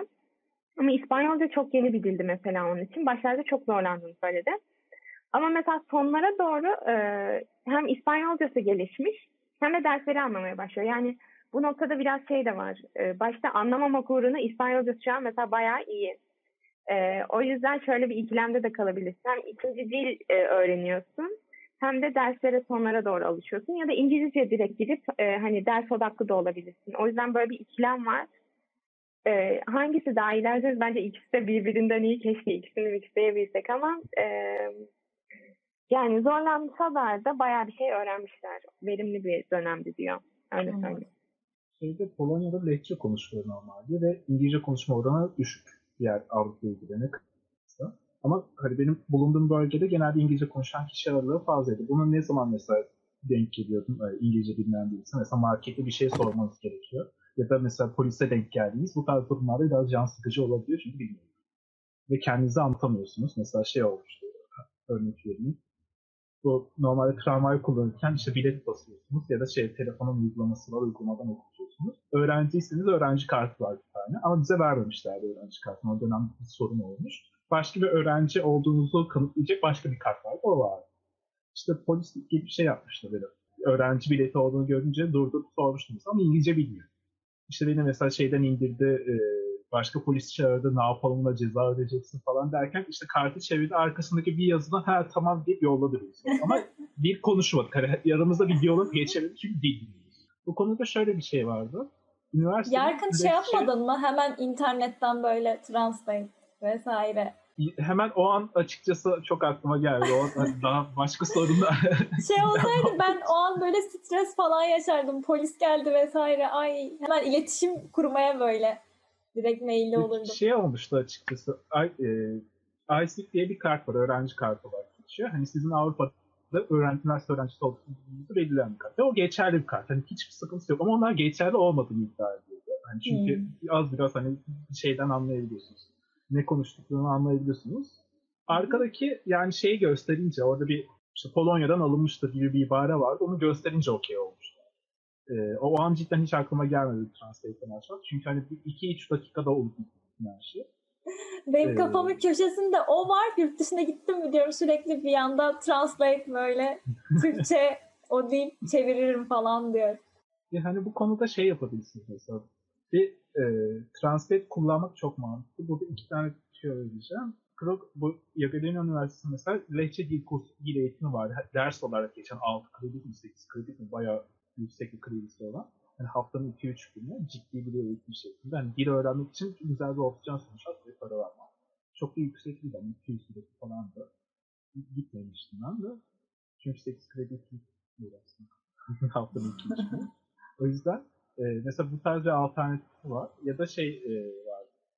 Bazı uygulamalar var. Ben mesela mesela siz bir ürün alacaksınız. Ürün tabii ki İngilizce yazmıyor. Polonya'nın öyle bir özelliği var. Her şey lehçe. Tabii ki kelimeleri bir yerden sonra aşinalık kazanıyorsunuz ama alacağınız ürünün içeriğini bilmiyorsunuz. Bunun için mesela Google Translate'in kamera okutma özelliği var. Ben her şeyi ondan okutuyorum. Hmm. E, ürünleri bakarken. Onun dışında dil konusunda işte bir İspanya'ya giden arkadaş mesela şey kazandıktan sonra, üniversite belli olduktan sonra İspanyolca dil kursuna gitti ama çok dersler açısından yeterli olmamıştı. O yüzden geçemediği dersler de vardı ama dilini çok geliştirmişti mesela. Yani bu ikilemde nasıl bir daha önceden mesela deneyiminiz varsa e, ya da bilginiz varsa çok güzel bir fırsat aslında. Bu konuda bir şey daha ekleyeyim. Bizim mesela normal üniversite üniversitenin sayfasında 6-7 tane Erasmus yapabileceğimiz üniversite ama biz bunlardan genelde 3 ya da 4'üne gidiyoruz. Çünkü onlar dil gerekliliğini istemeyen, dil gerekliliğini kanıtlayacak bir belge istemeyen üniversite. Ama sizin mesela Fransızcanız varsa orada şey Belçika'daki üniversiteye gidiyorsunuz. E, çünkü şey yapıyor. Ne sertifikası istediğini şu an hatırlamıyorum ama B2 seviyesindeki bir e, Fransızca olduğunu söylerseniz kanıtlarsınız siz o üniversitede başvurabiliyorsunuz mesela. Ama bizim gittiğimiz mesela e, da yoktu. Şeyde de yoktu. Groningen'de de yok diye hatırlıyorum. Dil belgesi sorunu olarak verilmesi gereken. Hani önceden dili olan kişiler böyle fırsatları değerlendirebiliyor. Çünkü onlara başvuran kişi yok. Yani direkt seçilebilirler konuda. Erasmus'a dair detaylı her şeyi konuşmaya çalıştık. Son olarak Erasmus'la ilgili genel bir değerlendirme yapmamız gerekirse, Erasmus'ta sizi en çok zorlayan şey neydi? Erasmus'un en güzel tarafı neydi? Bir de Erasmus'u Hollanda'da yapmanın avantajı ve dezavantajı nedir? Bu soruda direkt Neval'e gelmiş gibi bir şey. Hmm, şimdi o zaman ilk sorudan bahsedeyim. Erasmus'ta beni en çok zorlayan şey arkadaşlar kalacağım yerdi. Yani gerçekten çok zorlandım ya. İlk işte gittim. Bir otelde kaldım. Sonra hostele geçtim. Bu arada şeyi atlamışım. Ben bir arada bir ay kadar bir yurtta kaldım. Ve hala bulamıyorum. Bir de şey e, Hollanda'da ev bulmak zor açıkçası. Çünkü hani ülke genel olarak zaten e, küçük demek istemem ama burayı da keselim. Kalabalık olabilir. Çok turist var Hem kalabalık hem de biraz küçük ev bulmak zor yani öyle söyleyeyim. Ama yer konusunda ben otelde kalırken böyle bir 10 arkadaşım falan Facebook'u iş- yani işgal ediyorduk arkadaşlar artık ev ev ev. En son bir yer bulabildim ama hani o süreç benim için zordu açıkçası. Ee, buldum mu buldum ama bence böyle streslere gerek yok. Yani gitmeden önce bakın ve araştırın derim. Onun dışında en güzel şey neydi? Ya ben her anından çok keyif aldım Ee, ve mutlu geçirdim. Açıkçası benim için mutluluk önemli bir nokta. O yüzden en güzel şey e, keyifli geçmiş olması ve verimli geçmiş olması. E, ikisi aynı anda da olunca Erasmus'tan başka ne isterim diye insan düşünüyor tabii. E, o şekilde yani böyle farklı kültürler tanımayı çok seviyorum. Farklı yemekler tatmayı da severim. Böyle e, etkinliklere katılmayı falan da seviyorum. Hani sosyalleşmek benim için önemli bir yerde. Böyle hem sosyalleşip hem bir şeyler öğrendiğimde artık e, doyuma ulaşmış oluyorum öyle söyleyeyim. E, o şekilde Erasmus'u Hollanda'da yapmanın avantajı ve dezavantajı nedir? Hmm. Yani o zaman avantajlarından bahsedeyim. E, avantajları Hollanda gerçekten çok güzel bir ülke. E, insanları çok açık görüşlü ve e, açıkçası kendini geliştirmiş bir ülke ve bunu gittiğiniz zaman fark ediyorsunuz. Ee, onun dışında okul çok iyi bir okuldu. Yani düşünen varsa Groningen'i kesinlikle tavsiye ederim. Ama başta da dediğim gibi akademik olarak zorlayıcı ve yoğun bir temposu var. Onun dışında heh, çok farklı kültürlerden çok fazla insan var dediğim gibi. O yüzden böyle bunlara da ilgiliyseniz ve hani tanışmaya da motiveyseniz Hollanda bence bulunmaz bir ülke. Gerçekten çok güzel bir ülke bu konuda. Son olarak de, değinebileceğim bir avantajı da e, Hollanda'da bisiklet kullanımı çok yaygın. Zaten her, hani herkesin kendisine ait bir bisikleti oluyor genelde ve bu konuda da önerim şu olabilir. Gittiğinizde bisiklet satın alın derim ben. Hani kiralama şansınız da var ama kiralamak için hani her ay belirli bir ücret ödüyorsunuz ve aslında bu daha pahalıya gelen bir durum e, bisikleti başta satın alırsanız ben mesela öyle yapmıştım. Başta bisiklet satın aldım. Dönüşte de işte dönmeden iki gün önce falan bisikletimi satıp öyle gelmiştim. Hani hem ulaşım açısından çok rahat oluyor. Çünkü otobüs kullanımı da az ve e, bisikletlilere ciddi bir şekilde öncelik var. E, ve bisiklet yolları falan da hani böyle bisiklet kullanmayı teşvik eden bir ülke öyle söyleyeyim. Dezavantajını gelecek olursam kur farkı en son baktığımda 8-9'a doğru gidiyordum. Bir ara 9'u geçti sanırım. Ya bunları kesinlikle düşünün çünkü hani yükselip alçalmalar da çok fazla ve dediğim gibi Hollanda pahalı bir ülke. Yani bu net bir şey. Özellikle diğer ülkelerle kıyasladığında Hollanda gerçekten pahalı bir ülke. Bunları da göz önünde alarak ben gitmeyi tercih ettim. Özellikle bu üniversiteye gitmeden önce çok fazla araştırmıştım ve motivasyonum çok yüksekti. Size de önerir miyim dersem kesinlikle öneriyorum. Yani aklınızda bir keşke kalmasın ya bu çok önemli bir şey. Benim için Erasmus'ta en zorlayan şey onlar iyi ki eğer tek başına vakit geçirmeyi sevmeyen birisiyseniz bu bayağı zorlayabilecek bir şey olabilir. Çünkü ben bununla ilgili ilişki bir sorunum yok. Daha da zevk alan birisiyim. İşte bütün gezilerin %90'ını işte tek başına gerçekleştirdim. Hem ayrı bir özgürlük ve istediğiniz gibi plan yapmayı sağlarken aynı zamanda bunları paylaşacak birisinin deneyiminden de eksik kalmış oluyorsunuz. Yani genişletme konusunda o noksanlığı hissedebilirsiniz ama özgürlüğünüz olacak. İstediğiniz her şeyi yapabiliyorsunuz istediğiniz her alanda.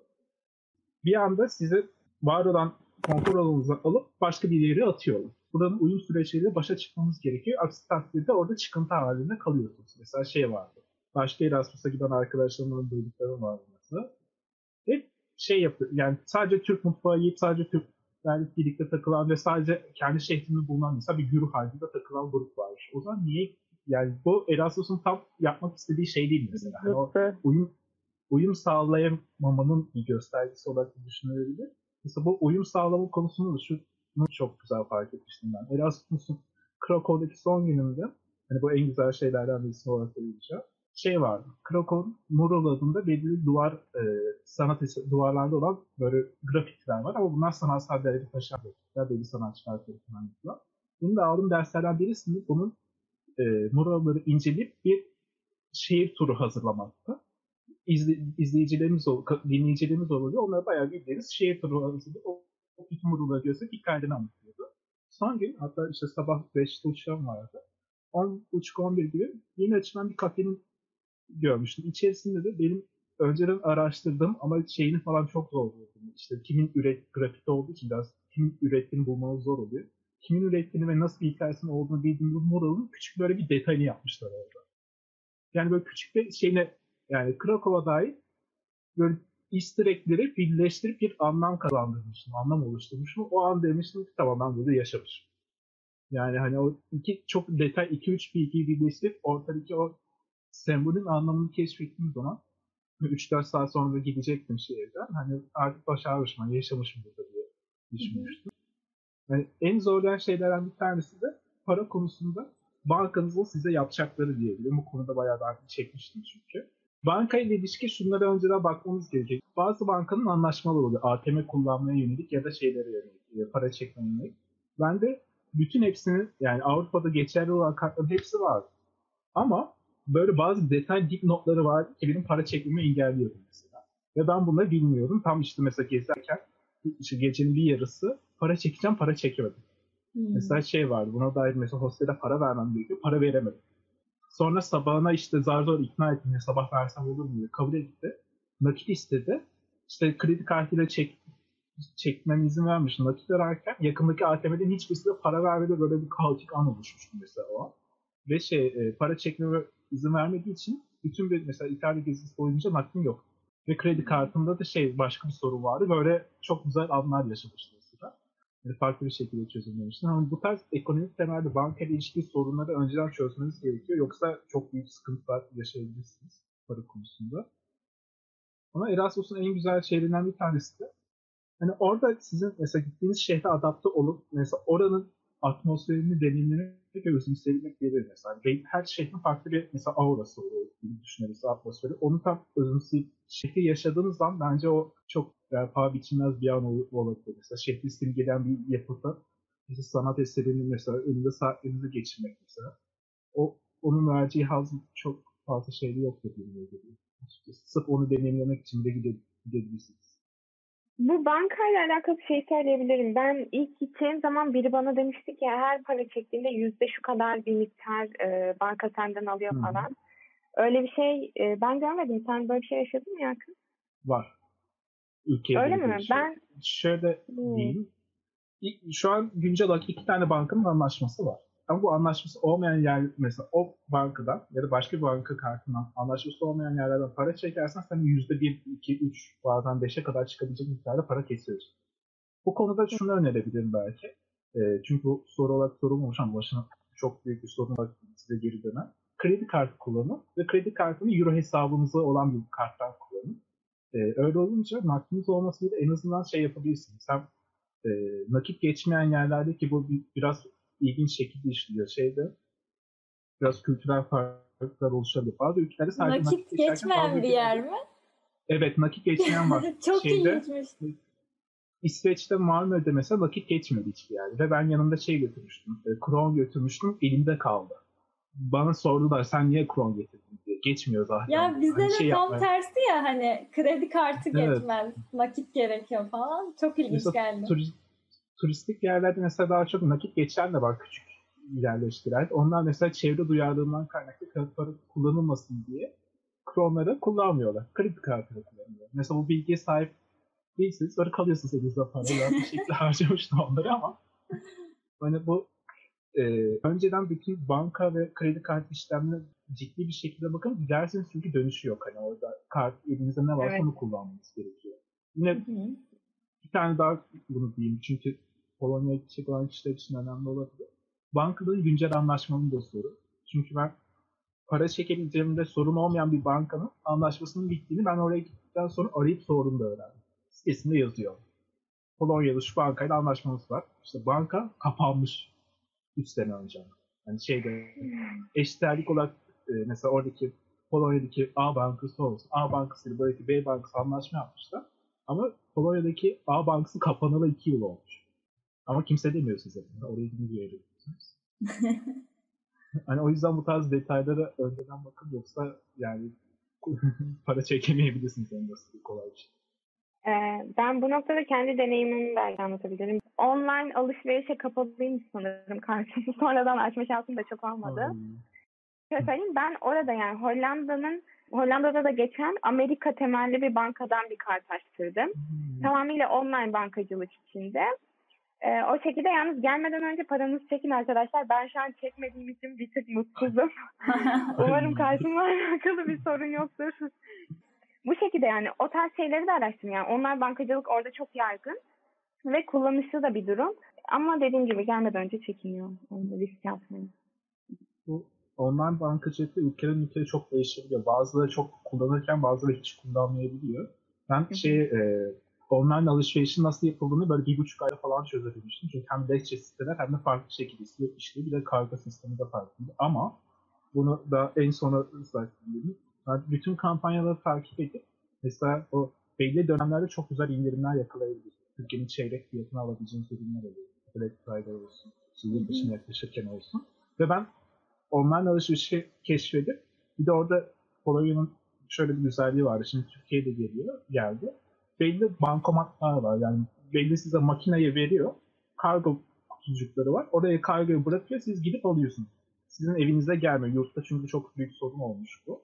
Bizim yurdun yakınında da vardı. Yani kargoyu birisi o noktaya koyuyor. Siz de o noktadan gidip alıyorsunuz. Ben böylece çok fazla şey aldım. Hatta şöyle diyeyim. Benim toplamda 80 kilo falandı. Ben ilk üç arkadaşıma 20'şer 20'şer vermiştim kiloları. En son dönerken de 40 kilo hakkım vardı. Ben dolu dolu geldim yani. Bu şey olarak.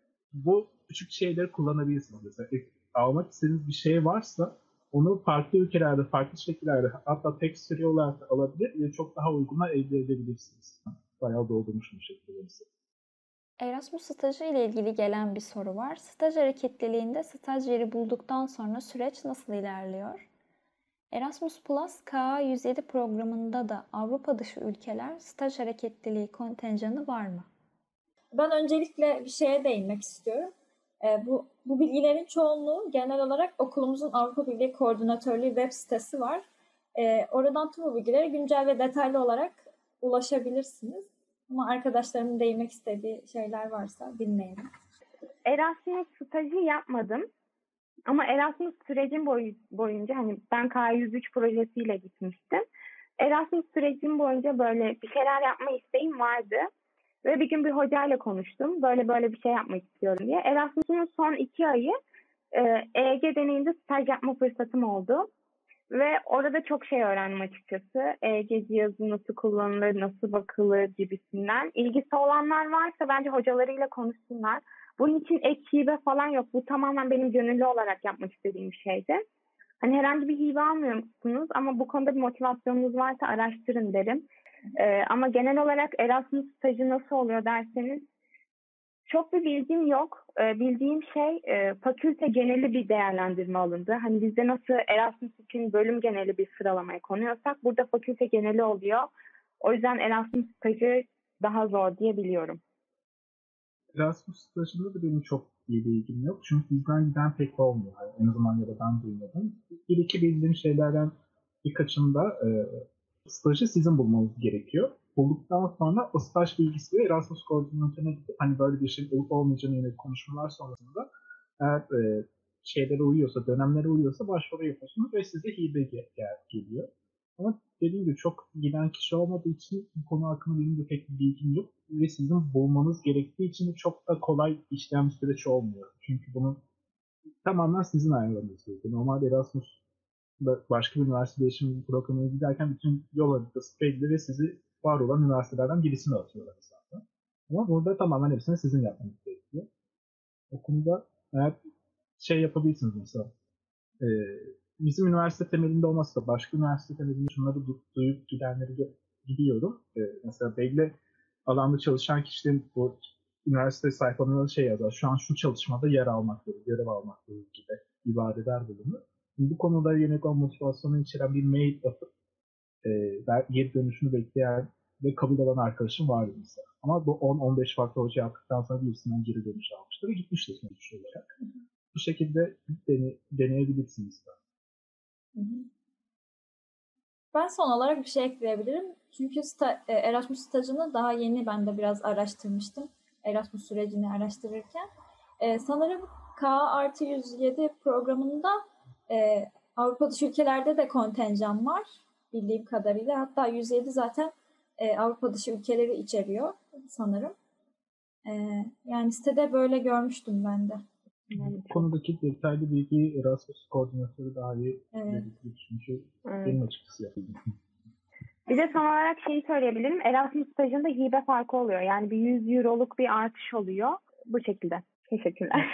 O zaman hibe demişken şey de diyelim. Ülkelere göre hibe sınıflaması değişiyor. A ülkesi 500, B ülkesi 4, C ülkesi 300 euro şeklinde oluyor. Evet. A ülkeleri Batı Avrupa temelinde Neval'in gittiği gibi Hollanda kısmında. E, bizde başka A sınıfı bir İspanya sayılıyor gidenlerde. E, B sınıfı sayılan yok galiba. Ya da giden yok galiba. Bir de sanırım 107'de ekstra olarak e, yol uçak masrafları da karşılanıyormuş Erasmus Hmm. e, stajında. En son öyle gördüm ben de. Ee, şey bir de Yarkın'ın bahsettiği ülke ayrımlarına da internetten bakabilirsiniz. Hepsi yazıyor. Hani Erasmus için zaten ülke sınırı var ama staj düşünüyorsanız e, bunun için ülkelerin hepsi yer alıyor. O internet sitesine bakın derim. Evet, son sorumuzu da tamamladık. Erasmus sürecine dair her şeyi arkadaşlarımla konuştuk. Soru gönderdikleri ve podcast içeriğinde aktif olarak yer aldıkları için bölüm arkadaşlarıma ve bugün deneyimlerini bizimle paylaşan Neval Ceren'e ve Yarkın'a Hacettepe Üniversitesi Psikoloji Topluluğu adına teşekkür ederim. Son olarak Erasmus yapmak isteyenleri cesaretlendirmek için neler söylemek istersiniz? Bu güzel bir kapanış sorusu olmuş. Öncelikle bunu söylemek isterim. Cesaretlendirmek için ne söylerim? Yani şöyle söyleyeyim. Aslında bir noktada değindim e, e, podcast'in bir yerinde. Ama bir daha söyleyeyim. Bence keşke dememek çok güzel bir şey ve bu pişmanlığı yaşamamak da güzel bir şey. Ve ben Erasmus'la alakalı gerçekten söyleyebileceğim şey iyi ki olur. Hani iyi ki gitmişim, iyi ki insanlarla tanışmışım, iyi ki hani o dersleri almışım. İyi ki bu deneyimi yaşamışım. Yani bu çok güzel bir deneyim arkadaşlar. Yani tek başınıza bir tek başınıza ülke değiştiriyorsunuz ya ve 6 ay boyunca orada kalıyorsunuz. Sonrasında işte gidiyorsunuz her şeyi kendiniz halletmeniz lazım. Birçok işlem var. Bunlarla baş etmeniz lazım. Ee, ama bir şekilde her şey halloluyor ve e, güzel bir şekilde sonuçlanıyor. En azından benim için gerçekten güzel bir şekilde sonuçlandı. O yüzden cesaretlendirmek için söyleyeceğim şey e, gerçekten böyle bir isteğiniz varsa peşinden gidin derim. Ee, ve fırsatları da değerlendirmek çok önemli. Fırsatlan, fırsatları değerlendirdiğiniz zaman gerçekten iyi ki diyebileceğinizi düşünüyorum. Ben bu konuda şöyle diyebilirim.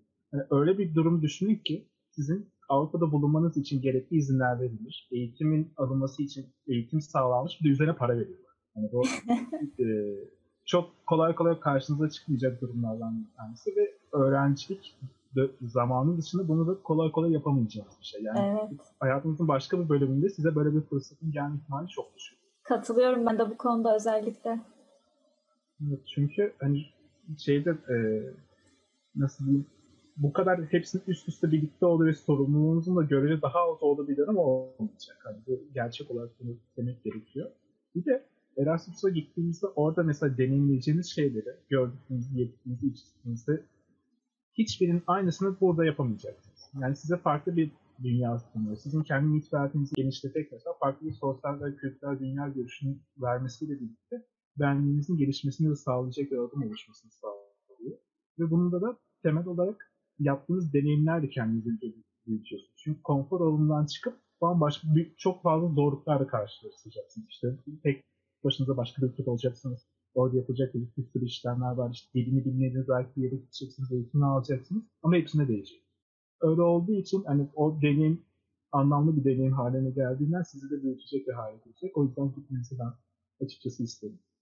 Ee, Ben de son olarak bu bölümün şarkısının sözlerinden bir alıntı yaparak bitirmek istiyorum. Ee, keşfetmeye hazırsın, cesaretin var. Hiçbir şeyin olmasa da özgürlüğün var. Artık güçsüz değilsin, elinde gençliğin var. Koş yağmurda rüzgarda bir kez yaşanır bu hayat. Bir başka bölümde görüşmek üzere. Artık yalnız değilsin hayallerin var Koş yağmurda rüzgarda yüz uzaklara Keşfetmeye hazırsın, cesaretin var. Hiçbir şeyin olmasa da özgürlüğün var. Artık güçsüz değilsin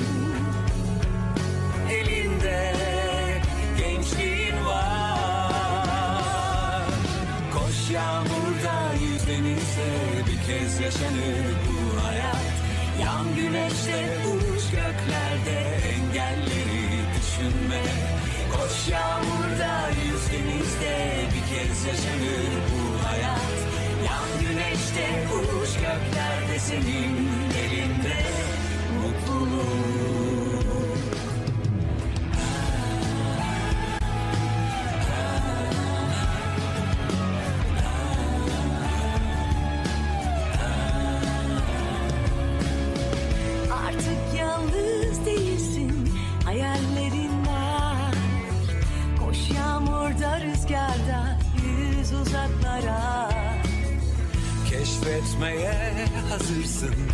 cesaretin var.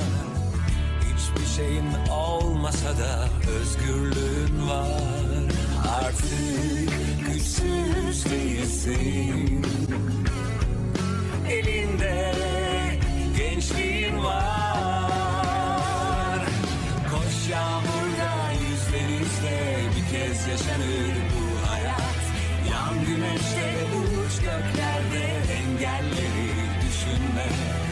Koş yağmurda yüz denizde bir kez yaşanır bu hayat.